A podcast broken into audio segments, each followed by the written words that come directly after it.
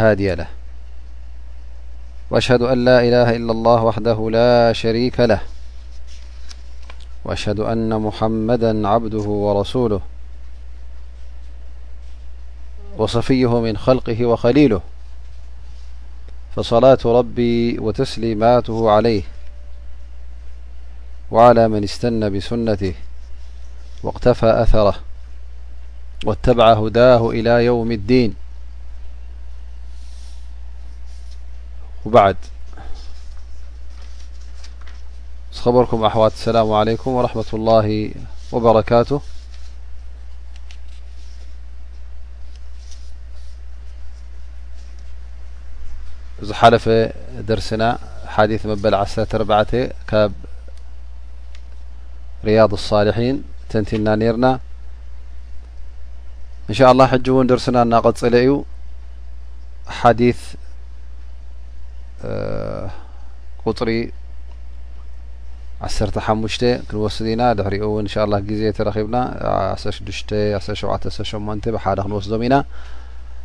እቲ ሒዝናዮ ዘለና ድማ ኣብ ባብ ተውባ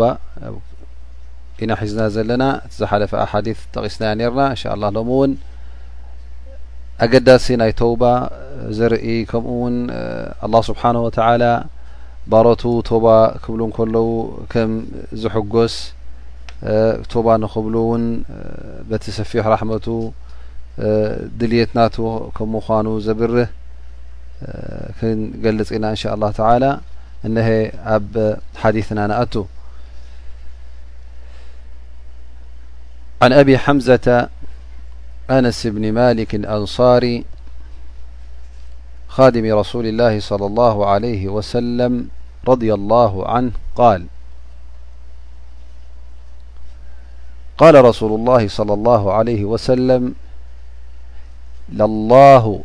أفرح بتوبة عبده من أحدكم سقط على بعيره وقد أضله في أرض فلاة وفيروية سل للله أشد فرحا بتوبة عبه حي يو إليهو ي يتوب إليه من أحدكم كان على راحلته بأرض فله فانفلتت منه وعليها طعامه وشرابه فأيس منها فأتى شجرة فاجع في ظلها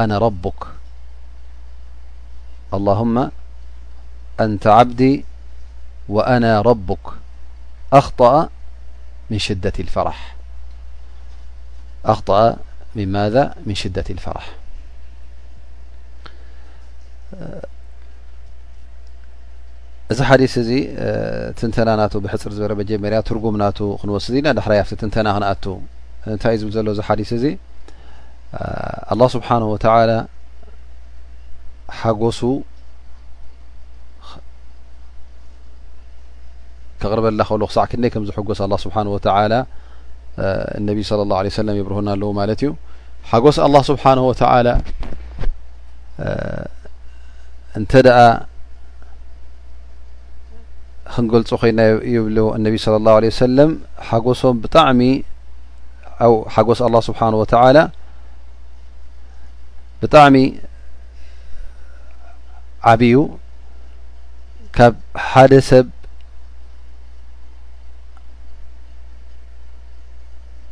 ተሓጒሱ ብሰንኪ ናይ ኣጥፊእዋ ዝነበረ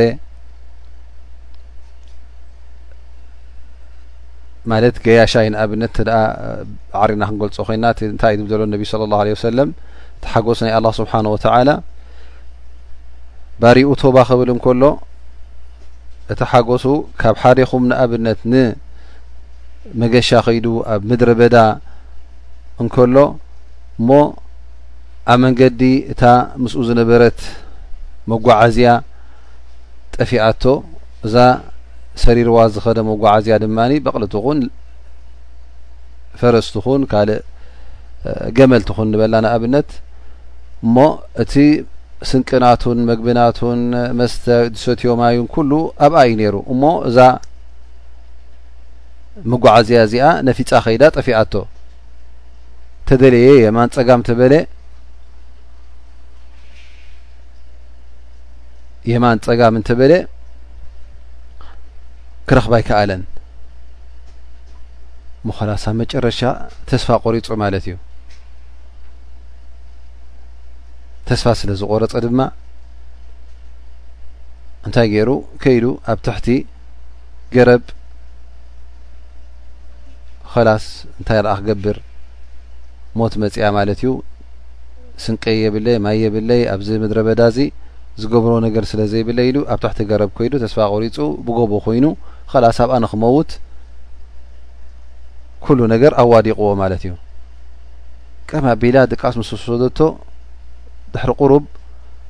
ተበራቢሩ ማለት እዩ ዝተበራበረ ተረኣየ እታ ገመሉ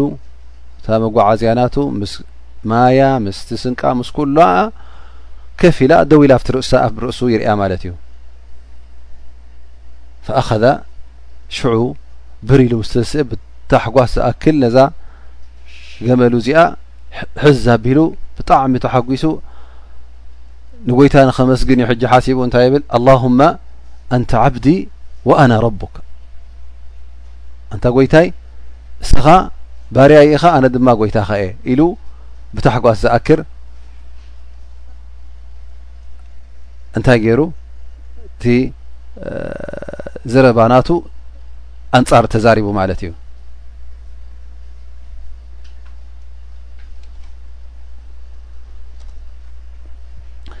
ስለዚ እቲ ጌጋ ናቱ ፈትዩ ኣይኮነን ግን ከይተፈለጦ ምን ሽደት ፈራሕ ብታሕጓስ ዝኣክል ተጋግዩ ኣብ ክንዲ ኣላሁማ ኣንተ ረቢ ኣና ዓብዱክ ኢሉ ንጎይታ ዘመስግኖ ግምጢ ኢልዋ ማለት እዩ ኣንታ ጎይታይ ኣነ ጎይታኻ ንስኻ ድማ ባርያ ኢኻ ኢሉ ማለት እዩ ስለዚ ምን ሽደት ፈራሕ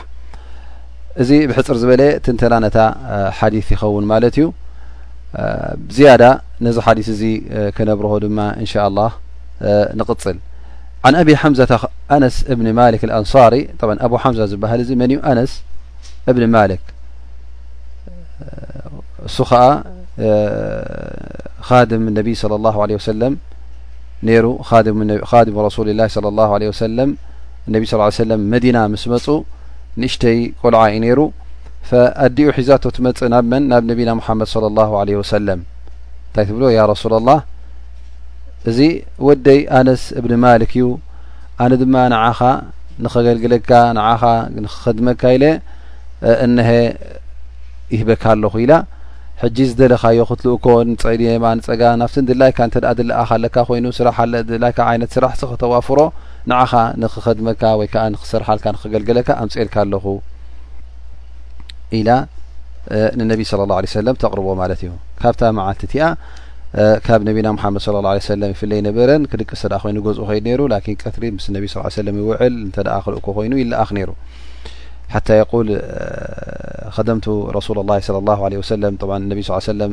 ዓሰተ ዓመት ኣብ መዲና ዝገብርዎ ኩሉ እዘን ዓሰርተ ዓመት ኣነስ እብኒ ማሊክ ንነቢና ሙሓመድ ለ ላሁ ለ ወሰለም ይገልግሎን ይኸድሞን ነይሩ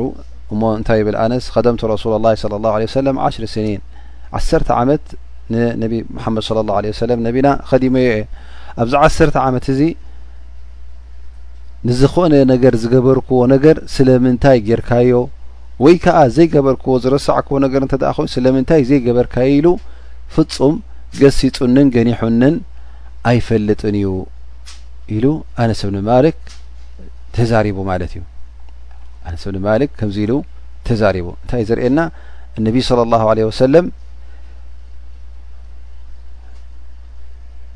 ክሳዕ ክንደይ ርህርህ ከም ዝነበረ ንሰብ እውን ክፃብብን ክገንሕን ንተጋጊየ ተጋጊኻ ብዝያዳ ኣብ ምንታይ ኣብቲ ናይ ጉዳይ ናይ ኣዱንያ ነገር ኣብቲ ንዕኡ ዘገልግልዎ ዝነበሩ ነገር ከምዘይገበርካለይ ከምዘይገበርካ ምዓኑ ክብሎም ምኽኣለ ነይሩ ላኪን እነቢዩ ስለ ላሁ ለ ወሰለም ሓያ ነይርዎም ንቶም ብፆቶም እውን ክምልምሉን ክርብዩን ከለዉ ብከምዚ ዝኣመሰለ ፅቡቅ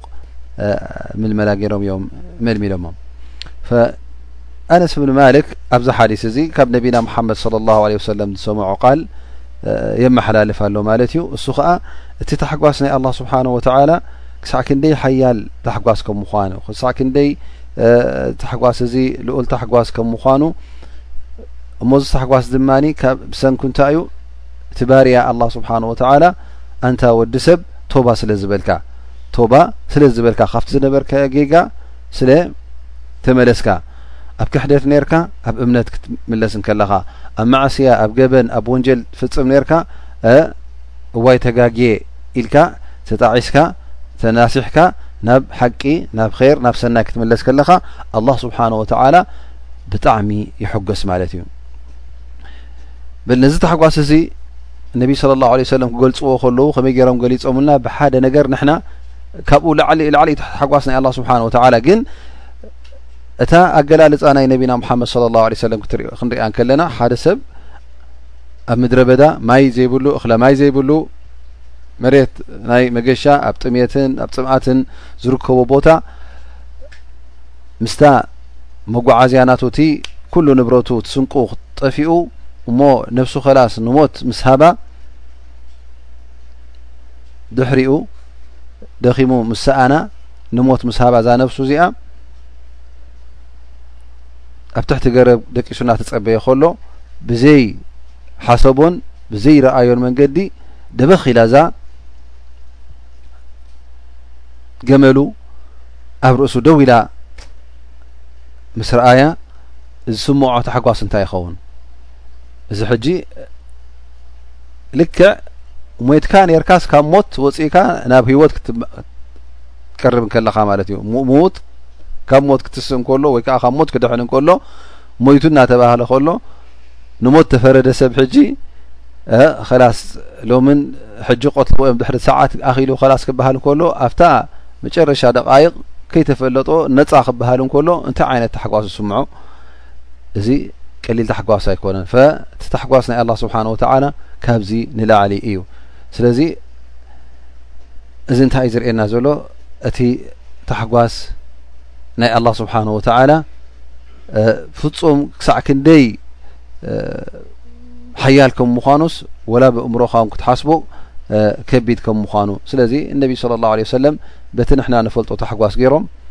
ኣቕሪቦምልና ማለት እዩ እዚ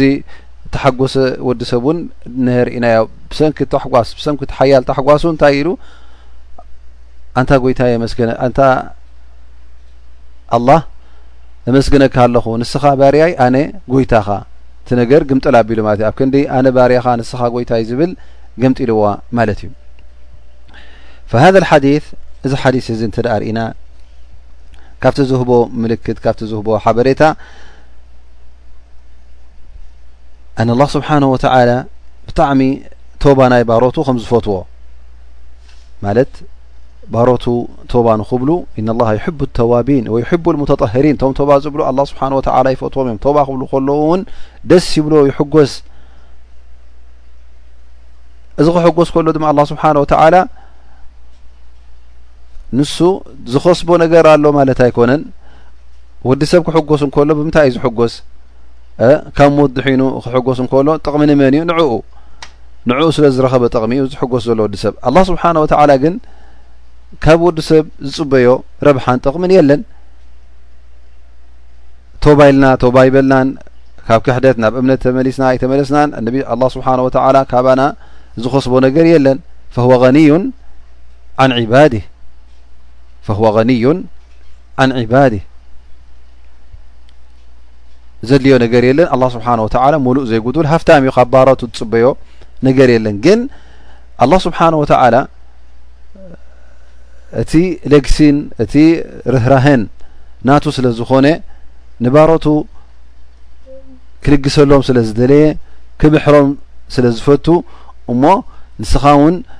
ምሕረት ሓቲትካ ናብ ኣላ ስብሓን ወተዓላ ተናስሕካ ክትምለስ እንከለኻ እዚ ኣላ ስብሓን ወተዓላ ደስ ይብሎ እዩ እምበር ኣላ ስብሓን ወተዓላ ባሮቱ ተጋግዮም ንክቐፅዖም ደስ ዝብሎ ኣይኮነን ንክቐፅዖም ክኢላ እዩ ዝጎድሎ ነገር የብሉን ግን ኣላ ስብሓን ወተዓላ ባሮቱ መገዲ ሓቂ ሒዞም ክኸዱ እንከለዉ ኣላህ ስብሓን ወተዓላ እዚ ነገር እዚ ይፈትዎ እዩ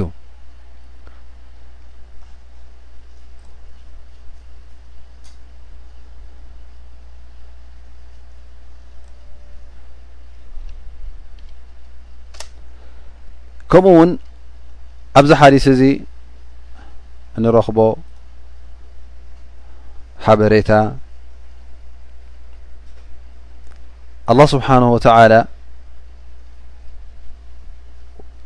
ወይ ከዓ ነቢና ሙሓመድ ለ ላ ለ ወሰለም በዚ ሓዲስ እዚ እንታይ እዮም ዝገብሩ ዘሎ ቶባ ንኽንብል ይደፋፍኡና ኣለዉ ማለት እዩ ቶባ ንኽንብል ናብ ቶባ ንኽንጓየ ናብ ንሳሐ ንኽንቀላጠፍ ይደፋፍኡና ኣለዉ ምክንያቱ እዚ ረብሓ ንዓና ስለ ዝኾነ ኣብ ርእሲኡ ድማ ኣላ ስብሓን ወተላ ብተባ ናካ ይሕጎስ እዩ ክትበሃል ከለኻስ ኣንታ እቲ ረቢ እኮ እቲ ጎይታይ እኮ ብተባ ናተይ ዝተሓጎሰ ካባይ ዝፅበዮ ነገር ዘየለ እንከሎ ኣነ ካብኡ ዝፅበ እንከለኹ ኣነ ሓጢኣተኛ ኣነ ጉድለተኛ እንከለኹስ እሞ ኣላ ስብሓን ወተላ በቲ ተባ ናተይ ይሕጎስ ኢልካ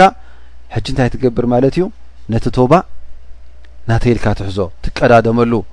ኣላህ እኳ ተሓጎሰለይ እሞ ንኣላ ስብሓን ወተላ ዝፈትዎ ነገር ክገብር ኣነስ ግዴታ እዩ ኢልካ ክትጓየን ከለኻ እዚ ሓዲ እዚ ናብ ቶባ ይደፋፍኣካ ኣሎ ማለት እዩ ከሊክ ከምኡ እውን እዚ ሓዲስ እዚ እንታይ የረጋግፅ ኣላ ስብሓን ወተላ ይሕጎስ ከም ዝኾነ ይቁጣዑ ከም ዝኾነ ሰናይ ነገራት ንክንገብር ይፈቱ እከይ ክንገብር ከልና እዚ እከይ እዚ ከም ዝፀልኦ እዩ ዘርእየና ዘሎ ማለት እዩ ግን ይሕጎስ ይኹን ብል ከለና ኣላ ስብሓን ወተላ ምናልባሽ ገለ ሰባት ታሕጓስ ናይ ወዲ ሰብ ስለ ዝፈልጡ ከምቲ ታሕጓስ ናትና ንኸይመስለና ታሕጓስ ኣላ ስብሓን ወተላ ፍሉይ እዩ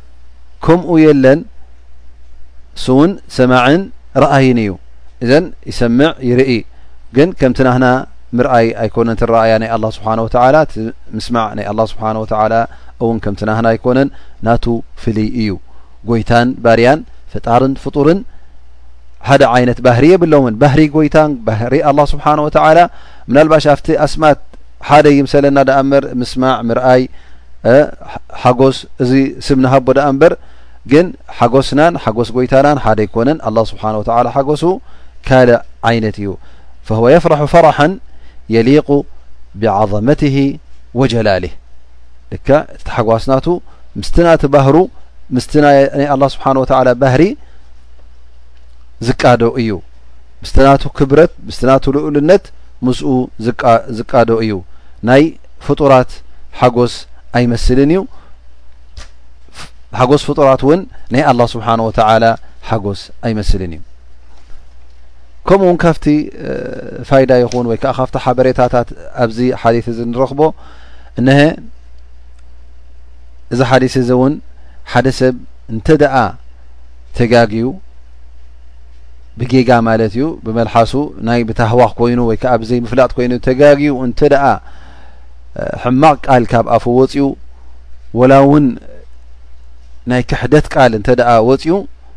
በዚ ዘረባ እዚ ክሒድካ ኣይበሃልን እዩ በዚ ዘረባ እዚ እውን ኣይተሓዝን እዩ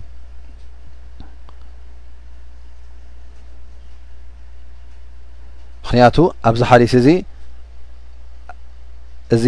እተሓጎሰ እንታይ ኢሉ ኣላሁማ ኣንተ ዓብዲ ወኣና ረቡክ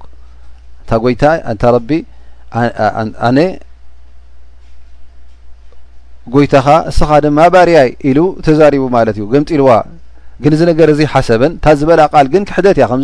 ከመይ ጌርካ ኣላ ስብሓን ወተላ እሱ ባርያ እዩ ኣነ ጎይቱ እዮ ክትብል ዘይከውን ነገር እዩ ግን ብጌጋ ስለ ዝመለቆቶ ብሰንኪ ሓያል ታሕጓስ ኮይኑ ወይ ከዓ ሓያል ስምባደ ተረኺቡ እንተ ደኣ ካብ መልሓስካ ዘይሓሰብካዮን ዘይተለኻዮን ቃል ከምቲ ትግርኛ እውን ካብ እግሩ ካብ እግሪ እኳ መልሓስ ትዕንቀፍ ዝብልዎ እንተ ደኣ መልሓሱ ተጋግያ ከምዝኣመሰለ ቃላት ኣውፅኡ ወይ ንሰብ ጸሪፉ ከይሓሰበ ወይ ንሰበይቱ ፈቲሑ ንኣብነት ክፈትሓ ዘይሓሰቦ እንከሎ ብጌጋ እንተ ወጽያቶ እዘን ብዘይ ሓሳብ ብዘይ ንያ ስለ ዝወፀ እዚ ሰብ እዚ በዚ ዘረባ እዚ ኣይተሓዝን እዩ ፈህዋ ይዕተበሩ ከለቕዊል የሚን ከምቲ ሓደ ሰብ ወላ ኢሉ ክምሕል እንከሎ ግን ኣብቲ ማሓላናቱ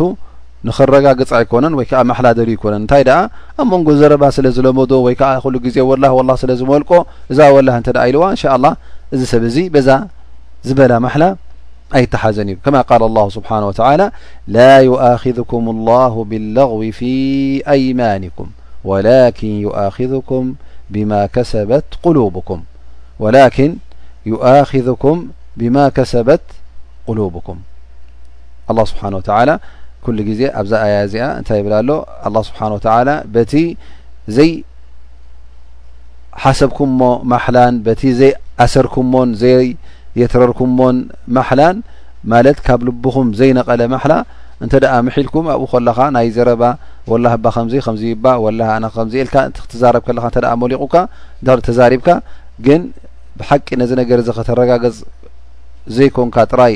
ኣብ መንጎ ዘረባኻ ዝኣቱ ልምዲ እንተ ኮይኑ እዚ እንሻ ላ ኣላ ስብሓን ወተላ ኣይ ይሕዘልካን እዩ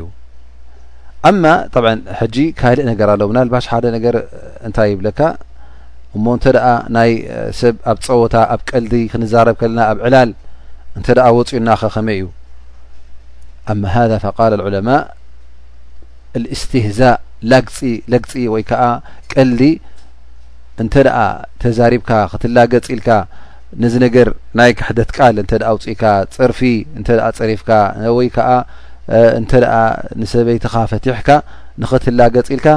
እዚ ቅቡል ኣይኮነን ስለዚ ብኣኣ ትተሓዝ ማለት እዩ ብኣኣ ትተሓዝ ኢኻ ሊኣን ኣላ ስብሓን ወተላ የቁል ወለኢን ሰኣልተሁም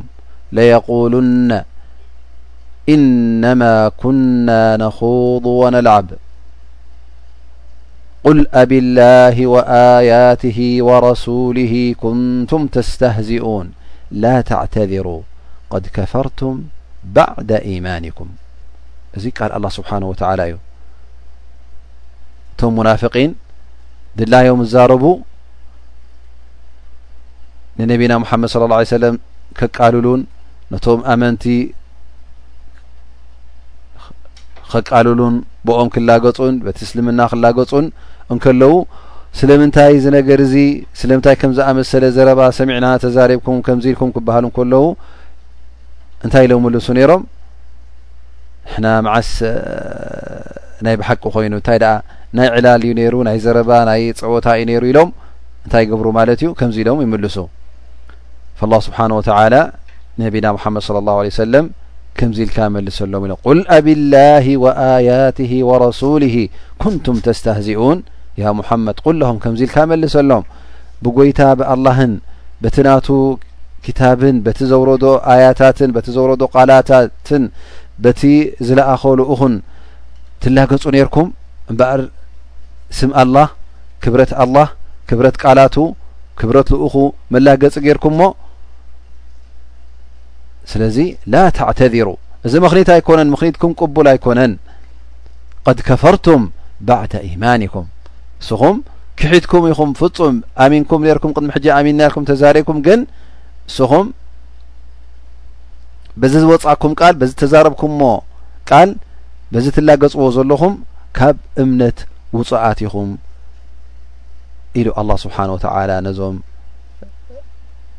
ሙናፊቒን እዞም ረሲኢነት ዝሓዞም ሰባት ከምዚ ገይሩ ኣላ ስብሓን ወተዓላ መሊሱሎም ምኽንያቱ እቲ ዝላገፅ ሰብ ክዛረብ እንከሎ መሊቑዎ ይኮነ ዝዛረብ ዘሎ እንታይ ደኣ ባዕሉ ፈሊጡ ዩ ዝዛረብ ዘሎ መስሓቕ ንኸገብር ንኸስሕቕ ነሰብ ንኸስሕቕ እዚ ነገር እዚ እውን ዝፈላለ እዩ ማለት እዩ ካብቲ ክመልቀካ ከሎን ከይሓሰብካዮን ከይደለኻዮን ከለኻን ክወፀካ ከሎን ባዕልኻ ፈሊጥካ ደሊኻዮ ቃላት ከተውፅእን ከለኻ እዚ ይፈላለ እዩ ስለዚ ኣብቲ ፍርዲ እውን በበይኑ ኮይኑ ማለት እዩ እቲ መሊቕዎ ቃላት ብጌጋ ዝወፆን እቲ ክላገፅ ኢሉ ዘውፅኦ ቃላትን ሓደ ኣይኮነን ስለዚ ንጠንቀቕ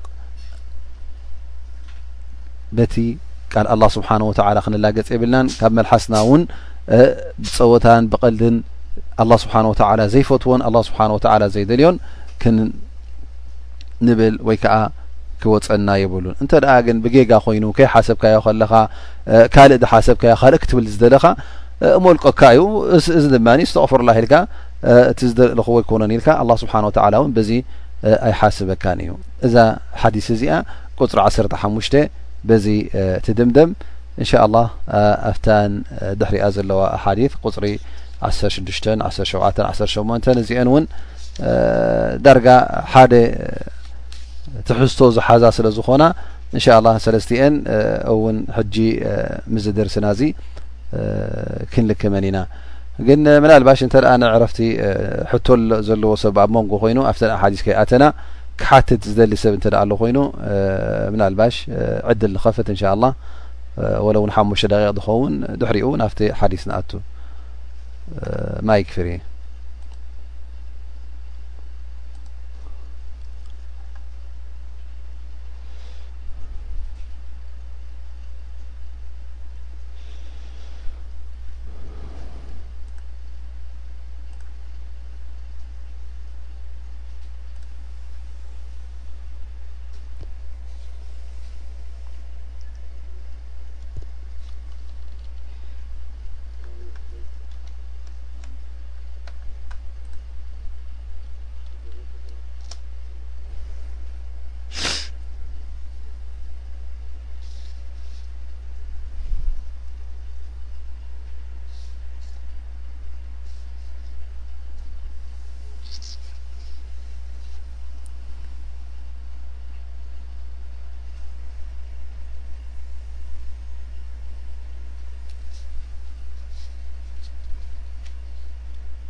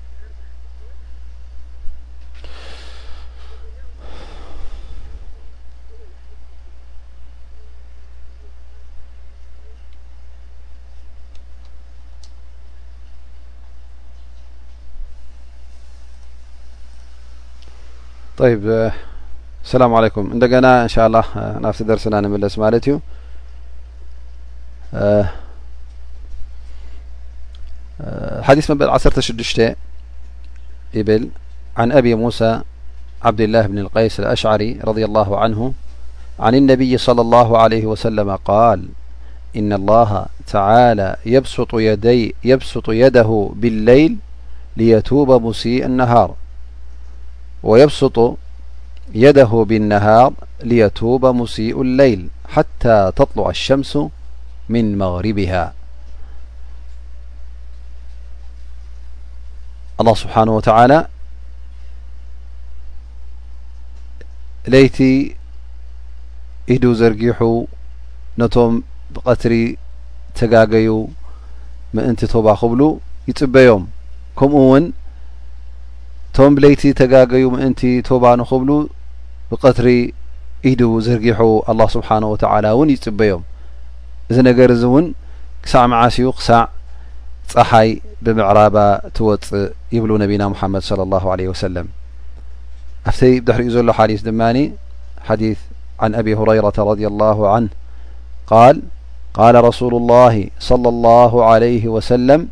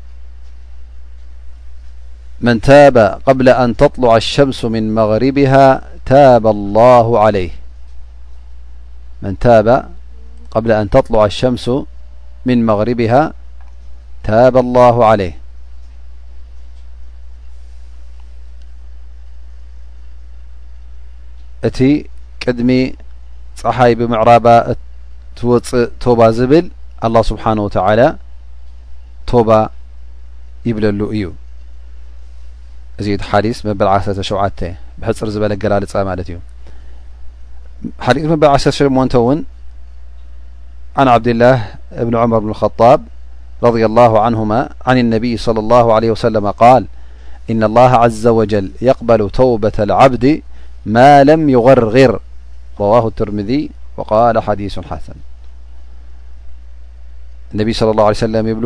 ኣላ ስብሓን ወተላ ክብሩ ይስፋሕ ቶባ ባርያ ይቕበሎ እዩ እንተ ደኣ ኣብታ ሰዓት ናይ ሕልፈት ትንፋሱ ትወፀላ ሰዓት ትንፋሱ ትቐርቀረላ ሰዓት እንተ ደኣ ዘይበፅሐ ኣላ ስብሓን ወተላ ይቕበለሉ እዩ ነዚ ባርያ እዚ ኢሎም እነቢይ صለ ላሁ ለይህ ወሰለም እዘን ሰለስተ ሓዲት እንተ ርእና ኩለን ብዛዕባ ተባ ዝጠቕሳ እየን ኣብ ርእሲኡ ድማ እንታይ እየን ንሪኣና ዘለዋ ኣላ ስብሓን ወተላ ተባ ንክትብልሲ ዕድል ከም ዝበካ ተሃዊኹ ኣይቀፅዓካን እዩ ገበን ፈፂምካዮኢኻ እሞ ኣይስረዝን እዩ ኣይብለካን እዩ እንታይ ደኣ ገበን ፈፂምካዮ ክስረዝ ይከኣል እዩ ግዴታ እውን ንክስረዝ ሽዑን ንሽዑን ክትምለስ ኣለካ ይብለካኒ እንታይ ደኣ ግዜ ህበካ ቀትሪ ተጋጊኻ ለይቲ ቶባ እንተ ኢልካ ኣላ ስብሓን ወተላ ይምሕረካ ለይቲ እንተ ተጋጊኻ ንፅባሒቱ እንተ ብ ቀትሪ ቶባ ኢልካ ኣላ ስብሓን ወተላ ይምሕረካ እረ ክሳዕ እታ ግዜ ሕልፈትካን ግዜ ትንፋስካ ትወፀላን እውን ኣላ ስብሓን ወተዓላ ይህበካ እዩ ዕድል ወይ እውን እንተ ደኣ ካብቶም ኣብ መጨረሻ ዓለም ወይ ከዓ ኣብቶም ኣክረ ዘማን ዝነብሩ ሰባት እንተ ደኣ ኮንካ ክሳዕታ ፀሓይ ብምዕራብ እትወፅእ እውን ኣላ ስብሓን ወተዓላ ኣፍ ደገ ናይ ቶባ ጋህ ሃቢሉ ከፊቱልካ እዩ ስለዚ ኣብዚ ኣፍ ደገ እዚ ተጓየ በዚ ኣፍ ደገ እዚ እቶ እዩ ዝብለካ ዘሎ ኣላ ስብሓን ወተላ ላ ስብሓን ወተላ ባሮቶ ቶባ ንክብሉ እነሀ ኩሉ ኣፍ ደገታት ገፊሕ ኣፍ ደገታት ከፊትሎም ዕድላት ኣርሒሎም ቶባ ፀቢብ ነገር ኣይገበሩን ኣላ ስብሓን ወተላ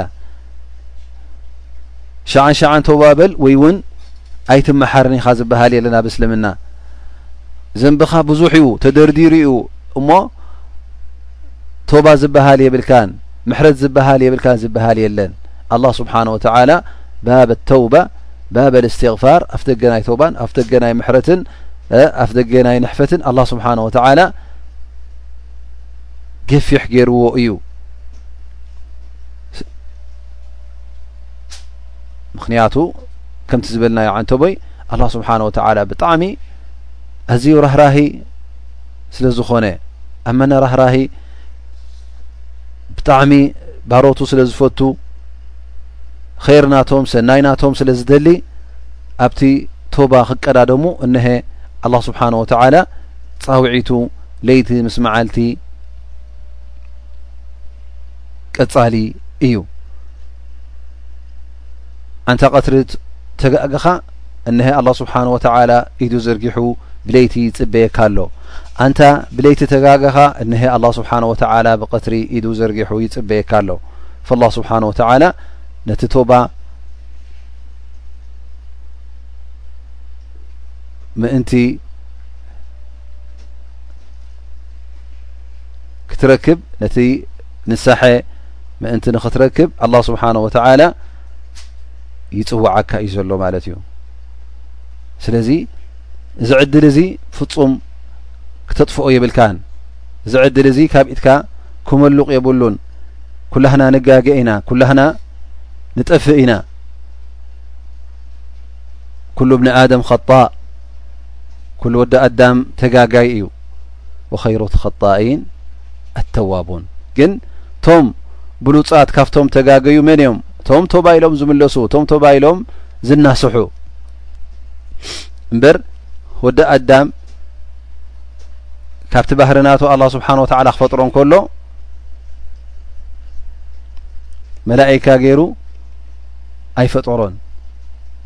መልኣኽ ገይሩ ይፈጠሮ እንታይ ደኣ ወዲ ሰብ በይኑ እዩ ናቱ ባህሪ ካብ ናይ መልኣኽን ካብ ናይ ኣጋኒንን ተፈልየ እዩ ስለዚ ካብቲ ባህሪ ናቱ እንታይ እዩ ከም ዝጋገ ገይርዎ ክጋገ ከሎ ድማኒ ቶባ ከም ዝብል ቶባ ኢሉ ድማ ዝያዳ ኣጅሪ ከም ዝረክብ ኣላ ስብሓን ወተላ ገይሩሉ ማለት እዩ ስለዚ ኣይትጋገዩ ፈፂምኩም ኣይበለናን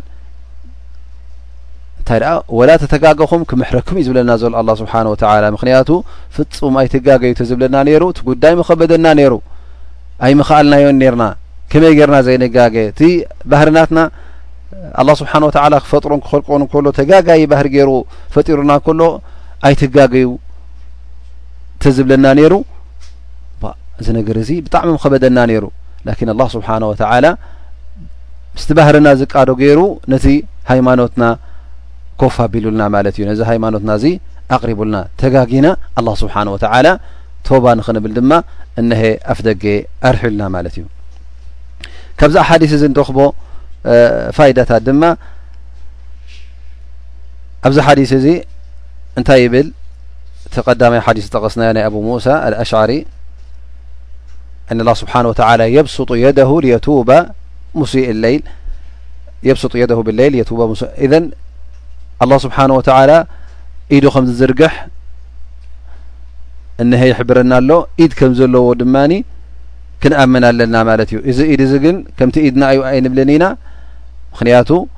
ኢድ ፍጡርን ኢድ ፈጣርን ሓደ ኣይኮነን ከምቲ ዓንተ ወይ ዝጠቀስናዮ ሓጎስ ፍጡርን ሓጎስ ፈጣርን እውን ሓደ ኣይኮነን ኢልና ማለት እዩ እምበር ብስም ኢድ ወዲ ሰብ ኢድ ኣለዎ እንስሳ እውን ኢድ ኣለዋ ኣይኮነን እንስሳን ሰብን እውን ወላ እውን ኣብ ካልእ ዓይነት ስእሊ ኮይኑ ወይ ከዓ ካልእ ዓይነት ብሓፂን ተሰርሐ ገለ ኢድ ዝበሃል ኣሎ ኢድ ትሰምዮ ሙምኪን ስለዚ ኢድ ተሰሚዩ ኢልካ ከምቲ ሓደ ዓይነት ኢድ ክኸውን ናይ ግዴታ ኣይበሃልን እዩ እንታይ ደኣ ኢድ ይሰመ ደኣ እምበር ኣላ ስብሓን ወተዓላ ከመይነት ኢዱ ንሕና ክንገልፆ ኣይከኣልን እዩ ከምቲ ዝበልናዮ ከማ ቃል ላ ስብሓን ወተዓላ ለይሰ ከምስሊ ሸይኡን ወህወ ሰሚዑ ልበሲር ከም ኣላ ስብሓን ወተዓላ ዝኾነ ይኹን ነገር የለን ፍጹም ንኣላህ ስብሓን ወተዓላ ዘመሳስል ነገር የለን ንሱ እቲ ጎይታና እቲ ኣላህ ሰማዕን ረኣይን እዩ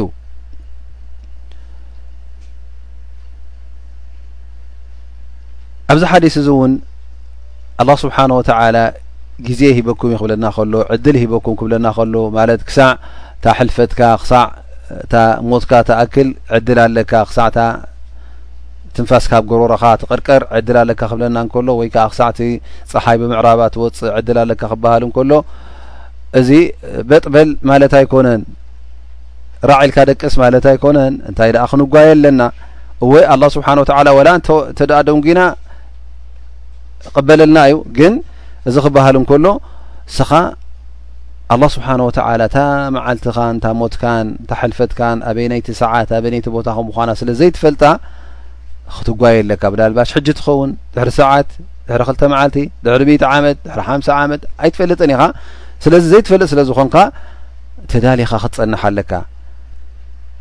እሞ እንተ ደኣ ኣብ ጌጋ ከም ዘለካ ትፈልጥ ኮይንካ ስለምንታይ ኣብቲ ጌጋ ትቕፅል ክትእረም ኣለካ ኣብ መገዲ ፅናሕ ምክንያቱ ሞት ኣብ ዝኾነ ሰዓት ክሰንብደካ ስለ ዝኽእል ሃንደበት ክመፀካ እዎ ስለ እውን ዝኽእል ስለዚ ክትጓየ ኣለካ ንክንጓየዮም ነቢ ስለ ላሁ ለ ወሰለም እነሀ ለይትን መዓልትን ኢደይ ዘርግሐ እፅበየኩም ኣለኹ ዝብለና ዘሎ ኣላ ስብሓን ወተላ ኣብዚ ሓዲስ እዚ እውን ካብቲ ዝተጠቐሰ እኑ ቶባ ቅድሚ ፀሓይ ብምዕራባ ምውፃኣ ቅቡል እዩ እብለና ኣሎ ማለት እዩ እነቢ ስለ ላ ለ ሰለም ማለት ቅድሚ ሕጂ ኣብቲ ቀዳማይ ሓዲስ ናይ ቶባ ክንጠቅስ ከለና ካብቲ ሽሩጥ ጠቂስናያ ነርና ካብቲ ቅድሚ ኩነት ሓደ ሰብ እንተ ደኣ ቶባ ክብል ኮይኑ ቅድሚ እታ ትንፋሱ ምሕላፋን ወይ ከዓ ኣብታ ምቕርቃር ትንፋሱ ከምኡ እውን ፀሓይ ብምዕራብ ከይወፀት ከላ ማለት መዓሽ እያ ትወፅእ ፀሓይ ብምዕራባ ኸላስ መጨረሻ ዓለም ክኸውን ከሎ ዮም ቅያማ ክኣት እንከሎ እታ ቀዳመይቲ ዓባይ ዝዓበየት ምልክት ናይ ዮም ቅያማ ፀሓይ ብምንታይ ትወፅእ ማለት እዩ ብምዕራባ ተወፅእ ማለት እዩ እዘን ሕጂ ከምዚ ንሪኦ ዘለና ፀሓይ ብምብራቅ ትወፅእ ብምዕራብ እውን ተዓርብ ኣላ ሽዑ ግን ኣላ ስብሓን ወተላ ነዚ ኣድማስ እዚ ነዚ ኩሉ ኮንቲነንት እዚ ኣላ ስብሓን ወተላ ክጠቃልሎን ክለዋውጦን ስለ ዝኾነ መሬት እታ ትፈልጣ መሬት ኣይኮነትን ሰማይ እውን ትፈልጦ ሰማይ ኣይኮነን ስለዚ ኩሉ ክተሓዋወስ ክደባለቕ ስለ ዝኾነ እታ ምንቅስቃስ ናይ መሬትን ምንቅስቃስ ናይ ፀሓይን ኩሉ ክፈላለዩ ሽዑ ኣብ ክንዲ እታ ፀሓይ ብምብራቕ ትሪያ ነበርካ ንግሆ ብምዕራብ ክትርያ ኢኻ ማለት እዩ ኣንፃር ኮይና ክትመፅእያ እዚ እውን ነቲ ፍጥረት ዓለም ኣላ ስብሓን ወተላ ናይ መጨረሻ ዓለም ስለ ዝኾነ ክጠቓለል ከሎ እዩ ሰማይን መሬትን ገዛእ ርእሰን ከም ተንኮበት ኣላ ስብሓን ወተላ ክጥቕልለን እዩ ማለት እዩ ስለዚ እዚ ነገር እዚ ምና ባሽ ሓደ ከመይ ገይራ ፀሓይ ብምዕራብ ትወፅእ ብምብራቅ ነራ ከመይ ድዩ ፀሓ መሬት ከባቢ እንድያ እታ መሬት እንድያ ትዘውር ክል መሬታት እዚ ነገራት እዚ ምእንቲ ኣብ ምፍልሳፍ ከይኣቱ ኣላ ስብሓን ወተላ ከምድላዩ ክገብሮ እዩ ሽዑ ኣብቲ ዮም ኣልቅያማ ኣብቲ ሰዓት ምፃት ዝርከብ ነገራት ኩሉ ተኣምር እዩ ከምቲ ኣላ ስብሓን ወተዓላ ነዛ መሬት እዚኣ ክፈጥራ ክኸልቃ እንከሎ ፀሓይን ወርሕን ከዋኸብትን ኩሉ ክፈጥሮ እንከሎ ንገዛእ ርእሱ ዓብ ተኣምር እዩ ነይሩ እንደገና ብ መጨረሻ ዓለም እውን ንኹሉ ከጥፍኦን ክጠቓልሎን እንከሎ እውን ኣላ ስብሓን ወተዓላ ክኢላ እዩ ነዚ ነገር እዚ ዝኸብዶ ኣይኮነን ስለዚ ከመይ ገይሩ ኢልካ እውን ክትሓትት የብልካ ምክንያቱ ኣላ ስብሓን ወተዓላ ድላዩ ንክገብር ክኢላ እዩ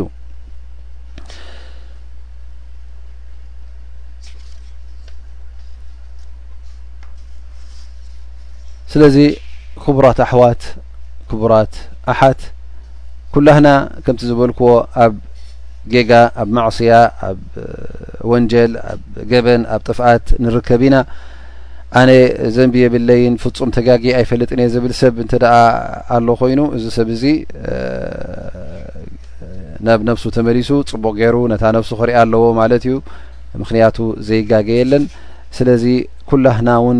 ነዛ ቶባ ንክንብል ክንጓየ ኣለና ማለት እዩ ኩላህና ዓብ ከይተረፈ ንእሽተይ ዘንቢ የብለይ ከይበልካ ናብ ጎይታኻ መዓልታዊ ኣበየ ሰዓት ኣበየ ደቂቕ ሲ እስትቕፋር ክትገብር ኣለካ እስተቕፍሩላ ዓም ኣቱቡ ኢለይህልካ ኣብ መልሓስካ ኩሉ ግዜ እዚ ነገር እዚ ክህሉ ኣለዎ ከምኡ ውን ካብ ልብኻ ተበገሰ ክኸውን ኣለዎ እዚ እስቲቕፋር ወይ ከዓ እዚ ምሕረት ምሕታት እዚ ንሳሐ እዚ ኩሉ ግዜ ካብ ምንታይ ክብገስ ኣለዎ ካብ ልብኻ ክብገስ ኣለዎ ምእንቲ ተቐባልነት ንክረክብ ምክንያቱ እቲ ትገብሮ ዘለካ ጌጋ ካብኡ ክትቁጠብ ኣለካ ማለት እዩ እንተ ናይ ብሓቂ ቶባ ትደለካ ኮንካ ግን ኣብቲ ዘለካዮ ጌጋ እናቐፀልካ ከለካ ኣነ ቶባ ብል ኣለኹ ወይ ከኣ እስትቕፋር ገብር ኣለኹ እዚ ንነብስኻ ክትዕሹ ዲኻስ ወይስ ንጎይታኻ ክትዕሹ ጽቡቕ ጌርካ ተመሊስካ ነታ ነብስኻ እውን ክትገንሓን ነታ ነብስኻ እውን ክትእርማን ይግብኣካ ስለዚ ኣላ ስብሓን ወተላ ኣብቲ መንገዱ ክንጸንሕ መገዲ ቶባ ሒዝና እውን ክንቅጽል ክድግፈናን ክሕግዘናን ዱዓ እናገበርኩ ናይ ሎም መዓልቲ ደርሲ በዚ ይድምደም ወሰላሙ ዓለይኩም ወራሕመቱላሂ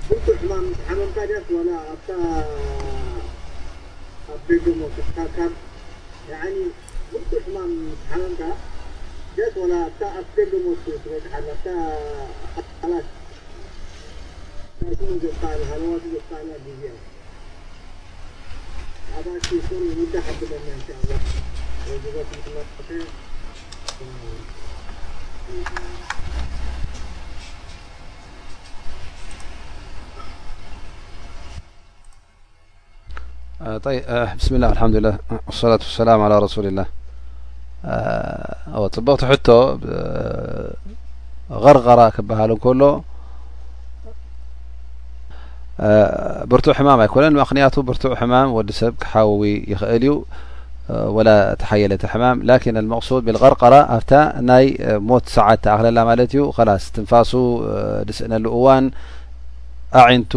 ገብገብ ዝብለሉ ላስ ኣብታ ናይ ሰዓት ሞት ማለት እዩ እሳ እታ ቀርቀራ ትበሃል ላስ ንክሓዊ ተስፋ ዘይብሉ እዋን ምስ በፅሐ ማለት እዩ ሃ የልቀርቀራ ልክዕ ከምቲ ፊርዖን እንተዳሪእና መዓስ ቶባይሉ ኣብ ባሕሪ ምስ ጠለቀ እታ ማይ ኩላ ምስ ዓብለለቶ መውፅእ ዘይብሉ ምስ ኮነ ሽዑ ቶባይሉ ላስ እታ ሞት ምስ ረኣያ ማለት እዩ ኢዘን መቅሰድ ብልቀርቀራ ቐርቐራ ክበሃል እንከሎ እታ ናይ ሞት ወይ ከዓ ናይ ሕልፈት ሰዓት ተኣኽለላ በቃ ትንፋስካ ትወፀላ እዋን ሰዓ ማለት እዩ ምክንያቱ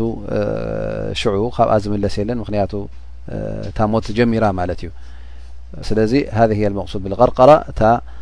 ወዲ ሰብ እውን ቶባ እንተደኣ ኢሉ ኣብዚ ሰዓት እዚ ቶባ ናቱ ኣይቅበሎን እዩ ኣላ ስብሓን ወተላ ምክንያቱ ይብሉ ዑለማ ሓታ ኣብዛ ሰዓት እዚኣ ወላ እቲ ካሓዲ ንገዛእ ርእሱ እቲ ካፍር ይኣምን እዩ ምክንያቱ ኣብዛ ሰዓት እዚኣ ብዙሕ ነገራት ይበርሃሉ እዩ ብዙሕ ነገራት ይበርሃሉ ከምቲ ኣላ ስብሓን ወተላ ኣብ ሱረት ቃፍ ዝጠቀሶ ፈበሰሩከ ልየውመ ሓዲድ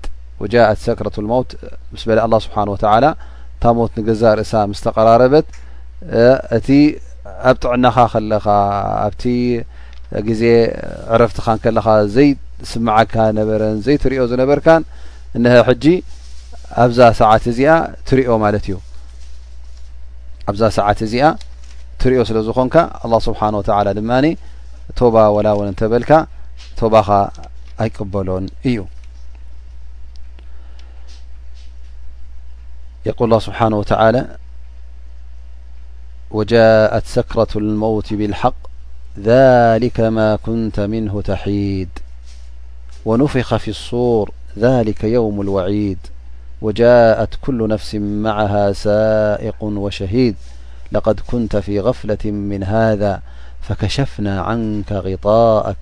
ፈበሰሩከ ልየውመ ሐዲድ ሽዑ እቲ ተሸፊኑካ ዝነበረ እቲ ዘይትኣምነሉ ዝነበርካን ኣብታ ሰዓት ኣልቀርቀራ ክትበፅሕ ከለኻ ኢሎም ዑለማ በዚ ኣያታት እዚ ተኸቲሎም ወዲ ሰብ ወላ ተኸሓዲ እቲ ሓቂ ሽዕኡ ብሩህ ኮይኑ እዩ ዝረኣዮ ኣብ ጌጋ ከም ዝነበረ ድማ እቲ እምነቱ ኩሉ ይበርሃሉ እዩ ስለዚ እዛ ሰዓት እዚኣ ወላ ቶባ እንተበለ ኣላ ስብሓን ወተላ ቶባኡ ኣይቀበሎን እዩ እንሻ ላ በሪሃ ክትከውን ተስፋ ገብር ካልእ ሕቶት ኣሎ ድማ ዕድል እንሻ ላ ንዓኹ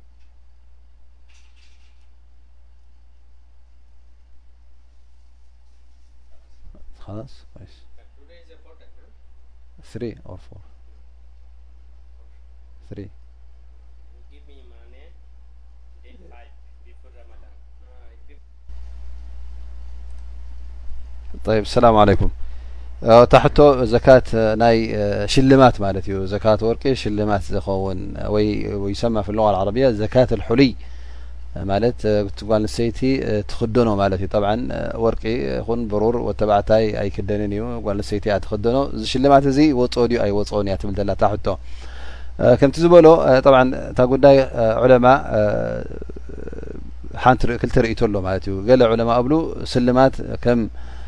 ገንዘብ ስለ ዘይቁፅር ማለት ስለሞ ስለ ዝኾነት ከም ገዛ ከም ንብረታ ከም ዓራት ከም ሸሓውንቲ ከም ካልእ ነገራት ስለ ዝቁፀር ትጥቀመሉ ስለ ዘላ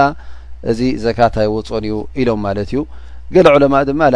ወርቂ ገዛ ርእሱ ወላ እውን ትጠቐመሉ ዳኣ እንበር ከም ገንዘብ ስለ ዝቁፅር ማል ገንዘብ ስለ ዝኾነ ክወጾ ኣለዎ ኢሎም ማለት እዩ ስለዚ እቲ ዝሓሸ እቲ ዝበለጸ እስኻ ነብስኻ ምእንቲ እታ ልብኻ ክወድቀልካ ወልኣሕወጥ እሕትያጠን እንተውጻእካ እቲ ዝበለጸ ይኸውን ማለት እዩ ንሳ ድማ ብዝሕቲ ኣይኮነትን ክልተን ፈረቃን ካብ ሜት ኢኻ ከተውፅእ እንተ እዚ ወርቂ እዚ ካብ ቴስዓ ግራም ካብ ሰማንያን ሓሙሽተን ግራም ንላዕሊ እንተ ኮይኑ ክልተን ፈረቃን ካብ ሚእቲ ተውፅኣሉ ማለት እዩ ስለዚ እንሻ ኣላ እስኻ ክልቲኡ ዑለማ ኢሎሞ ማለት እዩ ገለ ዑለማ ይወፅኡ ገለ ዑለማ ኣይወፅኦን ኢሎም ላኪን ኣፍል ትዝሓሸት ዝበለፀ እንተውፃእካ ይሓይሽ ወላ ኣለም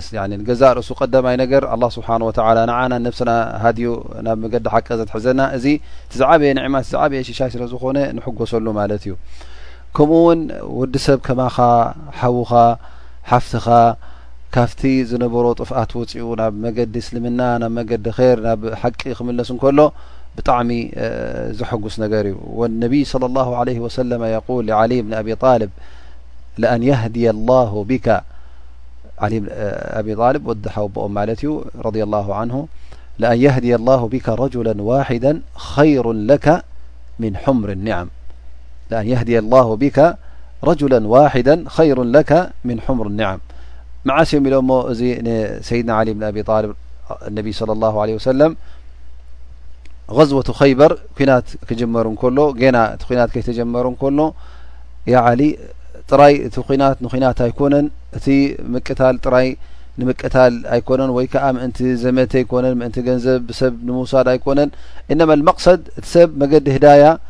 ንክረክብ ሓደ ሰብ ኣይ ኣብ ኢድካ ናብ እስልምና ናብ መንገዲ ሓቂ ናብ ህዳያ ክኣት እንከሎ ካብቲ ዝበለፀ ማል ዝበለፀ ገንዘብ ኣብ ግዜ ኹም ኣብ ግዜ እቶም ኣስሓብ ነቢ ስ ሰለም እንታይ እዩ ነይሩ መዓት ማል እንስሳ ወይ ከዓ መዓት ኣግማል ክህልዋካ ከለዋ ካብ መዓት ማል መዓት ኣግማል ክህልዋኻ ሓደ ሰብኣይ ንመገዲ ሓቂ ክትመርሕ ከለኻ ንመገዲ ሓቂ ከተእቱ ከለኻ እዩ እቲ ዝያዳ ኸይርን ሰናይን ኢሎሞ ነቢና ሓመድ صለ ላ ለ ወሰለም ንዓሊ እብኒ ኣብ ጣልብ በዛ ዝሰማዕናያ ሎም መዓልቲ ሓውና ኣብ ዓሊ ቀዳማይ ነገር እነሀ ኣብ ዓዲ እንግሊዝ ሸውዓተ ሰባት ኣብ እስልምና ሎም መዓልቲ ኣትዮም ንኣላ ስብሓን ወተላ ኢዶም ሂቦም ኢሉ እዛ ሓፍትና ድማ ሎ መዓልቲ ኩላህና ሰሚዕናያ ካብ መገዲ ጥፍኣት መገዲ ቶባ መሪፃ ማለት እዩ ሎ መዓልቲ ትደርስና ንገዛእ ርእሱ ናይ ቶባ እዩ ነይሩ ከመይ ጌርካ ቶባ ትብል ኣላ ስብሓን ወተላ እውን እዚ ጌት ወይከዓ ኣፍ ደገ እዚ ኣርሑልና ከፊቱልና ፈታሕለና ሃ ልባብ ክንጥቀመሉ ኣለና ገና ኣብ ዱንያ ከለና ፈልሓምዱሊላ ነሀት ሓፍትና ምሳና ተሓዊሳ እቲ ሕውነትና ናይ ሰብኣዊ ሕውነት ጥራይ ዘይኮነ ኢማናዊ ሕውነት ዝያዳ ጠንኪሩና ማለት እዩ ዝያዳ ድማ ውሱን ወይ ከዓ ፍሉይ ሕውነት ጌርና ምስኣ ማለት እዩ ንሳ ድማ እነሀ ነዚ መገዲ እዚ መሪፃ ናብዚ መገዲ እዚ ናብ መገዲ እስልምና ኣትያ ኣሽሃዱ ኣን ላኢላሃ ኢላ ላህ ወኣሽሃዱ ኣና